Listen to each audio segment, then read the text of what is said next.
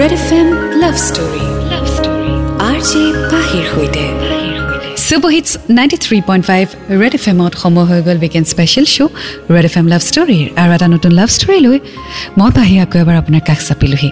যিখন চিঠি হাতত লৈছোঁ এই চিঠিখন পঠিয়াইছে ছয়গাঁৱৰ পৰা মিতালী দাসে। তেওঁ নিজৰ ষ্টৰিটিৰ নাম দিছে তোমাৰ মিছা মৰমৰ স্মৃতিবোৰ।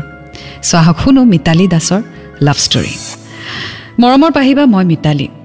প্ৰথমে মোৰ হিয়া ভৰা মৰম গ্ৰহণ কৰিবা। আমাৰ এই প্ৰেমৰ সুমধুৰ স্মৃতিসমূহক চিৰত যুগমীয়া কৰি ৰাখিবলৈ দিয়া এই সুবিধাখিনিক মই শকোটি প্ৰণাম জনালোঁ। লগতে ৰেড এফ এমৰ সকলোকে ধন্যবাদ। পাহিবা মোৰ ঘৰ ছয়গাঁৱত। পাহিবা আজি ইমান দিনে মই মোৰ জীৱনৰ কথা কাকোৱে কোৱা নাছিলোঁ। আজি আপোনাক এই চিঠিৰ দ্বাৰা ক'ব বিচাৰিছোঁ। মই যাক ভাল পাওঁ তাৰ নাম মাইনা। পাহিবা আপোনাৰ লাভ ষ্টৰী মই বহুদিন আগৰ পৰাই শুনিছিলোঁ। তেতিয়া মোৰ মনটোৱে ক'লে যে তোমাৰ লগত যেন মোৰ জীৱনটোৰ কথা শ্বেয়াৰ কৰোঁ। সেই বুলি ভাবিয়ে আজি চিঠিখন লিখিছোঁ। চ' আজি আমি শুনিম মিতালীৰ লাভ ষ্টৰী তোমাৰ মিছা মৰমৰ স্মৃতিবোৰ। ৰেড এফ এম বা ৰহ red F M love story love story R J পাহিৰ সৈতে। ৱেলকাম বেক শ্ব' চলি আছে weekend special red F M love story মই আছোঁ আপোনাৰ সৈতে পাহি। আজি শুনি আছোঁ মিতালীৰ লাভ ষ্টৰী তোমাৰ মিছা মৰমৰ স্মৃতিবোৰ। আগলৈ তেওঁ লিখিছে পাহিবা এতিয়া আচল কথালৈ আহোঁ। মোৰ জীৱনৰ কাহিনীটো অলপ বেলেগ পাহিবা। মোৰ স্কুল ছয়গাঁও উচ্চতৰ মাধ্যমিক বিদ্যালয়। যেতিয়া মই স্কুলত গৈছিলোঁ তেতিয়া মই সেই দাদাজনক দেখিছিলোঁ। পাহিবা মোৰ প্ৰেম আৰম্ভ হৈছিল। মই যেতিয়া বি এত নামভৰ্তি কৰিছিলোঁ। পাহিবা মই এদিন ফেচবুক চাই আছিলোঁ। চাই থাকোঁতেই এটা মোলৈ ফ্ৰেণ্ড ৰিকুৱেষ্ট আহিল। মই চালোঁ যে সেই দাদাজনে পঠিয়াইছে। ময়ো একচেপ্ট কৰিলোঁ। তাৰপিছত এটা মোলৈ মেছেজ আহিল হাই বুলি। ময়ো হেল্ল' বুলি ৰিপ্লাই দিলোঁ। তাৰপিছত সি মোক সুধিছিল চিনি পাইছোঁনে নাই? ময়ো চিনি পোৱা বুলিয়ে ক'লোঁ। এনেকৈ মোৰ খবৰ ল'লে ময়ো ল'লোঁ। আৰু এনেকৈ আমি কেইদিনমান মেছেজ কৰিলোঁ। তাৰপিছত সি মোৰ ফোন নম্বৰ খুজিলে পাহিবা ময়ো অলপো নভবাকৈ তাক মোৰ নম্বৰটো দি দিলোঁ। আজিকালি ফেচবুকত লাভ হোৱাটো একেবাৰে কমন হৈ পৰিছে। কাৰণ ছ'চিয়েল মিডিয়াই মানুহক ইমান ক্ল'জ কৰি পেলাইছে যে আপুনি আজি গুৱাহাটীত থাকি হয়তো ডিগবৈত থকা ব্যক্তি এজনৰ সৈতেও আপুনি কথা পাতিব পাৰে। বা হয়তো বেংগালুৰুত থকা বা হয়তো আমেৰিকাত থকা মানুহ এজনৰ সৈতেও কথা পাতিব পাৰে। কাৰণ ছ'চিয়েল মিডিয়াই ডিষ্টেঞ্চটো ইমান কমাই পেলাইছে। চ' সেইটো কাৰণে ভালো হৈছে বেয়াও হৈছে। চ' এনিৱে আজিৰ ষ্টৰীত কি হয় জানিবলৈ অপেক্ষা কৰক এন ৰেড এফ এম বা জাতে ৰহো। Red F M love story love story R J পাহিৰ সৈতে। Super hits ninety three point five red F এমত মই আছোঁ আপোনাৰ সৈতে পাহি। শ্ব' চলি আছে weekend special red F M love story আজি শুনি আছোঁ মিতালীৰ ষ্টৰী তোমাৰ মিছা মৰমৰ স্মৃতিবোৰ। আগলৈ তেওঁ লিখিছে পাহিবা এনেকৈ এমাহমান যোৱাৰ পিছত সি মোক ভাল পাওঁ বুলি ক'লে। সেইদিনা আছিল nine September two thousand nineteen ময়ো দুদিনমান যোৱাৰ পিছত য়েছ বুলি ক'লোঁ। পাহিবা আমি দুয়ো কথা নপতাকৈ থাকিব নোৱাৰা হৈছিলোঁ। ছমাহ সাত মাহ ভালেই গ'ল পাহিবা। তাৰ আগত এটা কথা কওঁ পাহিবা। সি যদি মই কথা নুশুনো তেতিয়া সি মোক কৈছিল যে মোতকৈ হেনো তাৰ বেষ্ট ফ্ৰেণ্ডজনীয়ে ভাল। মই যেতিয়া সোধোঁ বেষ্ট ফ্ৰেণ্ডজনী কোন তেতিয়া কোনো নাই বুলি কয়। জোৰকৈ সোধাত সি মোক গালিও পাৰে। মই বাৰ বাৰ সুধিছিলোঁ কোন হয় বুলি? সি কোনো নহয় বুলিয়ে ক'লে পাহিবা। আৰু তেতিয়া ময়ো ভাবিছিলোঁ সি চাগে সঁচাকৈয়ে কৈছে। এনেকৈ সময় পাৰ হৈ গ'ল। চ' আগলৈ কি হয় জানিবলৈ অপেক্ষা কৰক এণ্ড ৰেড এফ এম বা জাতে ৰহো। Red F M love story love story. R J পাহিৰ সৈতে। Super hits ninety three point five red F এমত মই আছোঁ আপোনাৰ সৈতে Pahi and welcome back to the show' red F M love story আজি শুনি আছোঁ মিতালীৰ লাভ ষ্টৰী তোমাৰ মিছা মৰমৰ স্মৃতিবোৰ আগলৈ তেওঁ লিখিছে এমাহমান সময় যোৱাৰ পিছত পাহিবা সেই বেষ্ট ফ্ৰেণ্ড ছোৱালীজনীয়ে গম পালে মোৰ কথা সেই ছোৱালীজনীৰ আৰু আমাৰ ঘৰ একেবাৰে ওচৰা ওচৰি সেইটো কিন্তু মই গম পোৱা নাছিলোঁ তাৰ পৰা নম্বৰ লৈ তাই মোক মেছেজ কৰিলে আৰু মোক সুধিলে যে মই আৰু মাইনা কিমান দিনৰ পৰা ৰিলেশ্যনশ্বিপত আছোঁ। পাহিবা ময়ো সকলো কথা ক'লোঁ। সেই যে কথাবোৰ ক'লোঁ তেতিয়াৰ পৰা মাইনাই মোক এভইড কৰিবলৈ আৰম্ভ কৰিলে। মোক গালি পাৰিলে আৰু সকলোতে ব্লক কৰি থ'লে। পাহিবা মই ভাবি পোৱা নাছিলোঁ কি কৰোঁ কি নকৰোঁ। সেইদিনা পাহিবা মই ৰাতিটো ভালকৈ শুবও নোৱাৰিলোঁ। কান্দি কান্দিয়ে পাৰ কৰিলোঁ। ব্লগ যে কৰিলে পাহিবা মোক এমাহলৈ খোলা নাছিল।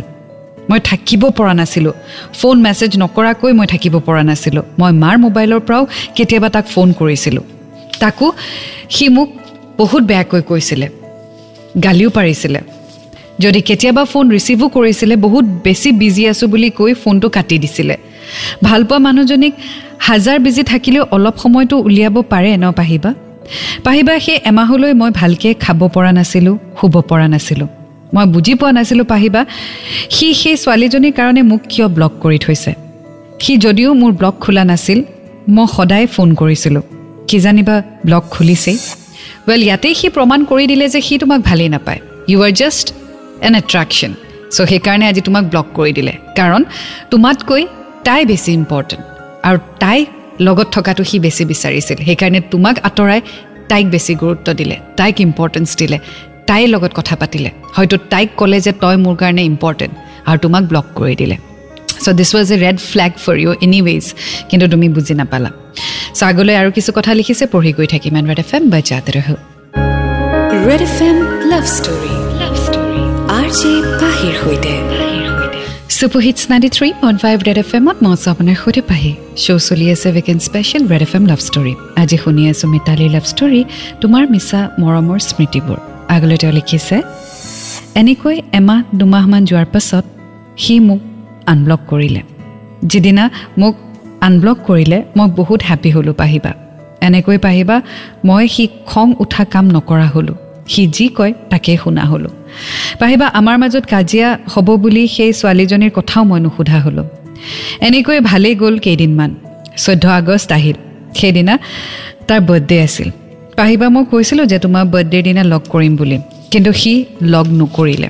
বাৰ বজাত মই বাৰ্থডে উইচ কৰিবলৈ তাৰ সৈতে একপি ফটো ৰাখিছিলোঁ হোৱাটছএপ ষ্টেটাছত সেই কথাটো তাৰ ফ্ৰেণ্ড এজনে তাক জনালে। আৰু তাৰপিছত পাহিবা সি মোক বহুত বেছি গালি পাৰিলে আৰু ডিলিট কৰিবলৈ ক'লে। ময়ো ভয়তে ডিলিট কৰি দিলোঁ। বহুত বেয়া লাগিছিল পাহিবা বহুত কান্দিছিলোঁ। ৰাতিটো কাজিয়া কৰোঁতেই গ'ল। ৰাতিপুৱা মই মোক লগ কৰিবনে নাই সেই কথাটো সোধোতে সি লগ কৰিব নোৱাৰোঁ বুলি ক'লে। সি হেনো বহুত বিজি মোৰ বহুত বেয়া লাগিল পাহিবা। সি ছয়গাঁৱৰ ছাত্ৰ সন্থাৰ সভাপতিও আছিলে। গতিকে বিজি আছে বুলি ময়ো ধৰিয়ে ল'লোঁ। পিছবেলা মই ফোন কৰিলোঁ তাক। আৰু তাক এইটোৱে ক'লোঁ যে তাৰ কাৰণে মই এটা কেক বেক কৰিছোঁ আৰু সৰুকৈ গিফ্ট এটাও কিনিছোঁ। সেইখিনি যাতে সি লৈ যায়। কিন্তু সি আহিব নোৱাৰিলে। গতিকে মই তালৈ পঠিয়াই দিলোঁ। So' already it is very clear যে মাইনা একেবাৰে তোমাৰ প্ৰতি ইণ্টাৰেষ্টেড নহয়। আৰু যেতিয়া কোনোবা ইণ্টাৰেষ্টেড নহয় আৰু তুমি নিজকে ফ'ৰ্চ কৰা ন তেতিয়া মানুহ ইৰিটেট হৈ যায়। আৰু ইৰিটেশ্যনত মানুহে আৰু বেছি আঁতৰি যায়। So' do not force yourself on to someone so' আগলৈ কি হয় জানিবলৈ অপেক্ষা কৰক এণ্ড্ৰইড এফ এম বাজাতে ৰহো red F M love story love story R J পাহিৰ সৈতে। ৱেলকাম বেক শ্ব' চলি আছে weekend special red F M love story মই আছোঁ আপোনাৰ সৈতে পাহি শুনি আছোঁ মিতালীৰ লাভ ষ্টৰী তোমাৰ মিছা মৰমৰ স্মৃতিবোৰ আগলৈ তেওঁ লিখিছে পাহিবা সি মোক বাৰ্থডে দিনাখন যে লগ নকৰিলে কিয় জানেনে পিছত মই গম পালোঁ সি সেই যে বেষ্ট ফ্ৰেণ্ড বুলি কয় সেই ছোৱালীজনীৰ ঘৰত গৈছিলে তাকো আমাৰ ঘৰ পাৰ হৈয়ে তাইৰ ঘৰ সি এবাৰো মোক এই কথাটো নজনালে মই পিছত গম পালোঁ মোক মোৰ লগৰ এটাই কথাটো কৈছিলে সেই কথাটো যেতিয়া মই তাক সুধিলোঁ তাৰপিছত আমাৰ বহুত কাজিয়া হ'ল। দুই তিনিদিনমান নমতাকেই গ'ল। পাহিবা আমাৰ লগ কৰাৰ কথা আছিলে। ছয়গাঁৱতো লগ নকৰে বেলেগে দেখিব বুলি। চ' আমি বেলেগত গৈ লগ কৰিলোঁ। আৰু আমি লগ কৰা কথাটো সেই বেষ্ট ফ্ৰেণ্ডজনীও গম পালে আৰু তাই মোক সুধিলে। মই গোটেইখিনি ক'লোঁ। মই বুজি পোৱা নাছিলোঁ যে তাইক কিয় লাগে এইবোৰ কথা। তেতিয়া ময়ে তাইক সুধিলোঁ যে তাই মাইনাক ভাল পায় নেকি? তেতিয়া তাই কৈছিল যে তাই হেনো ভাল নাপায়। সিহে তাইক ভাল পায়। আৰু সেইকাৰণে তাই জানিব বিচাৰিছে যে সি ক'ত আছে কি কৰি আছে। এই কথাখিনি শুনি মই বিশ্বাস কৰিব পৰা নাছিলোঁ পাহিবা। এনেকৈয়ে দিন গ'ল। আধা ভাল আধা বেয়াৰ মাজেৰে। Well Mitali it was so' obvious যে সি তোমাক একেবাৰেই ভাল নাপায়। বাছ কিয় তোমাৰ লগত আছে সেইটোহে আচৰিত কথা। আৰু তুমিও কিয় ইমান গুৰুত্ব দিছা মই সেইটো বুজি পোৱা নাই। য'তকি তুমি চব গমেই পাইছা।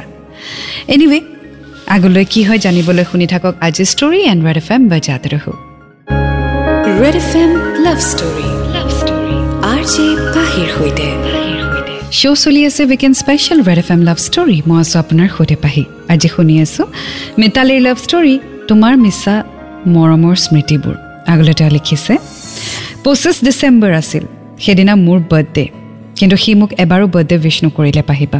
সেইদিনাও মোৰ বহুত বেছি বেয়া লাগিল পাহিবা। মই কান্দি দিলোঁ। আৰু এটা কথা কি জানানে? সেই যে ছোৱালীজনীক লৈ সি মোক কথা শুনাই থাকে সেই ছোৱালীজনীক সি সকলোতে লৈ যায়। কিবা লাগিলে সকলো কৰি দিয়ে। সকলো ক্ষেত্ৰতে সি হেল্প কৰে তাইক। এইবোৰ কথা পিছতহে গম পাওঁ। মোক হ'লে সি ছয়গাঁৱত লগ কৰিব নোৱাৰে কিন্তু তাইক সি সকলোতে লৈ ফুৰে। এনেকৈ আমাৰ এক বছৰ পাৰ হৈ গ'ল। ন ছেপ্টেম্বৰৰ দিনা সি আৰু মই এইটো ডিচাইড কৰিলোঁ যে আজিৰ পৰা আৰু আমি কাজিয়া নকৰোঁ। সিও নকৰোঁ বুলি ক'লে। তাৰ নেক্সট বাৰ্থডে আহিল। সেই বাৰ্থডেতে মই সকলো কথা গম পালোঁ পাহিবা। সকলো কথা তাক সুধিলোঁ। তেতিয়া সি ক'লে সি হেনো তাইকহে ভাল পায়। মোক ভাল নাপায়। পাহিবা মই কান্দি কান্দি পাগল হৈ গৈছিলোঁ। মই কি কৰিম কি নকৰিম লাগিছিল। মই তাক বহুত বেছি ভাল পাই পেলাইছিলোঁ। সকলো দি দিছিলোঁ। কিন্তু সি যে মোৰ লগত অভিনয় কৰি আছিল মই ধৰিবই পৰা নাছিলোঁ। ধৰিব পাৰিছিলা। তুমি সেইটো একচেপ্ট কৰিব বিচৰা নাছিলা। তুমি জানিছিলা যে সি তোমাক ভাল নাপায় বাট চামহাও তুমি সেইটো একচেপ্ট কৰিব নিবিচাৰিছিলা। তুমি ৰিয়েলিটিটো ফেচ কৰিব বিচৰা নাছিলা আৰু সেইকাৰণে আজি এইটো হ'ল। আৰু কিছু কথা লিখিছে পঢ়ি গৈ থাকিম। ৰেড এফ এম বাজাতে ৰহো। Red F M love story love story R J পাহিৰ সৈতে। Welcome back to the show' red F M love story মই আছোঁ আপোনাৰ সৈতে পাহি। শুনি আছোঁ মিতালীৰ লাভ ষ্টৰী তোমাৰ মিছা মৰমৰ স্মৃতিবোৰ। আগলৈ তেওঁ লিখিছে পাহিবা সি মোতকৈ ন বছৰ ডাঙৰ আছিল আৰু ছাত্ৰ সন্থাৰ সভাপতি। সকলো বুজি কিয় ইমানখিনি কৰিলে মইহে বুজি নাপালোঁ। মানুহে কয় ডাঙৰে হেনো ভুল নকৰে বোলে। কিন্তু এইবোৰ কি? সৰুৱে ভুল কৰিলে সকলোৱে কয়। কিন্তু এইবোৰ কি? এতিয়াও প্ৰশ্নৰ উত্তৰ বিচাৰোঁ কিয় মোক এনে কৰিলে? মই কি কৰিছিলোঁ তোমাৰ? পাহিবা এতিয়া দুবছৰ পাৰ হৈ গ'ল। এতিয়া শুনা পালোঁ তেওঁ হেনো বিয়াটো বহিলে। তাক মই বহুত বেছি বিশ্বাস কৰিছিলোঁ জানানে পাহিবা? হয়তো সি মোৰ সৈতে এনে কৰিম বুলিয়ে কৰিলে। পাহিবা সি মোক এনেকুৱা কৰিছে যদিও মই তাৰ বেয়া হোৱাটো কেতিয়াও বিচৰা নাই। সি য'তেই আছে সুখত থাকক। কিন্তু মোৰ লগত এনেকুৱা কৰিব নালাগিছিল কাৰণ মই সঁচা ভাল পাইছিলোঁ। মোৰ বেছি বেয়া লাগিছিল কিয় জানেনে? সি সকলোখিনি জানি বুজি যে কৰিলে। আই হোপ কোনো ল'ৰাই যাতে সঁচা ভালপোৱাক অভিনয় ৰূপ নকৰে। পাহিবা এতিয়া সি তাৰ ৰাস্তাত আৰু মই মোৰ ৰাস্তাত। দেখিলেও নামাতো। বেয়া লাগে কিন্তু কি কৰিম? এইখিনিয়ে মোৰ লাভ ষ্টৰী পাহিবা মই চিঠি লিখিব নাজানো আৰু আখৰবোৰো ভাল নহয়। কিবাকে আপুনি পঢ়ি ল'ব। এইবাৰ বি এ কমপ্লিট হ'ব। কিবা কাম পালে কৰিম আৰু জীৱনটো সদায় হেপ্পী হৈ থাকিব বিচাৰিম। ইটি মিতালী দাস ছয়গাঁও। মিতালী একচুৱেলি তুমি জানিছিলাই যে তেওঁ তোমাক ভাল নাপায় বাট ক'ৰবাত নহয় ক'ৰবাত তুমি একচুৱেলি একচেপ্ট কৰিব বিচৰা নাছিলা। ৰিয়েলিটিটো তুমি ফেচ কৰিব বিচৰা নাছিলা। নহ'লে কোনো ল'ৰাই এই কামটো নকৰে। মানে বাৰে বাৰে কাৰোবাক ব্লক কৰা আঘাত দিয়া মানে তোমাক এৰি বেলেগক লগ ধৰা দিজ আৰ ক্লিয়াৰ ইণ্ডিকেশ্যনছ যে সি তোমাৰ লগত ৰিলেশ্যনশ্বিপত নাছিলে। সি বাছ কথা পাতি আছিলে। সেইটো এটা ল'ৰা মানুহৰ স্বভাৱ হয়। চবৰে নহয় কিছুমান ল'ৰাৰ এইবোৰ স্বভাৱ হয়। বহুকেইজনী ছোৱালীৰ লগত কথা পাতি ভাল পোৱা টাইম পাছ কৰা ইজনীকো আই লাভ ইউ কয় সিজনীকো আই লাভ ইউ কয়। তাৰপিছত নিজে দুমোজাত থাকে তাৰপিছত যাক ভাল লাগে বেছিকৈ তাইৰ লগত ইনভল্ভ হৈ যায় ইজনীক বাদ দি দিয়ে। অকল ল'ৰা বুলি নহয় এনেকুৱা ছোৱালীও আছে। So' you have to be very careful যেতিয়াই প্ৰথম ৰেড ফ্লেগখন দেখা পোৱা ন তেতিয়াই আঁতৰি আহিবা। ৱৰ্ষ্ট হোৱালৈ ৰৈ নাথাকিবা। কিয় জানানে? কাৰণ যিমান তুমি সাহস দিবা সিমান তেওঁ সাহস পাব আৰু বেয়া কাম কৰিবলৈ। ৰিমেম্বাৰ ডেট চ' এয়া আছিলে আজি লাভ ষ্টৰী এটা নতুন ষ্টৰীৰ সৈতে আকৌ লগ পাম। Until then do fall in love it's a great feeling you will get to learn a lot and always remember I love you and red F M বেজাতে ৰহো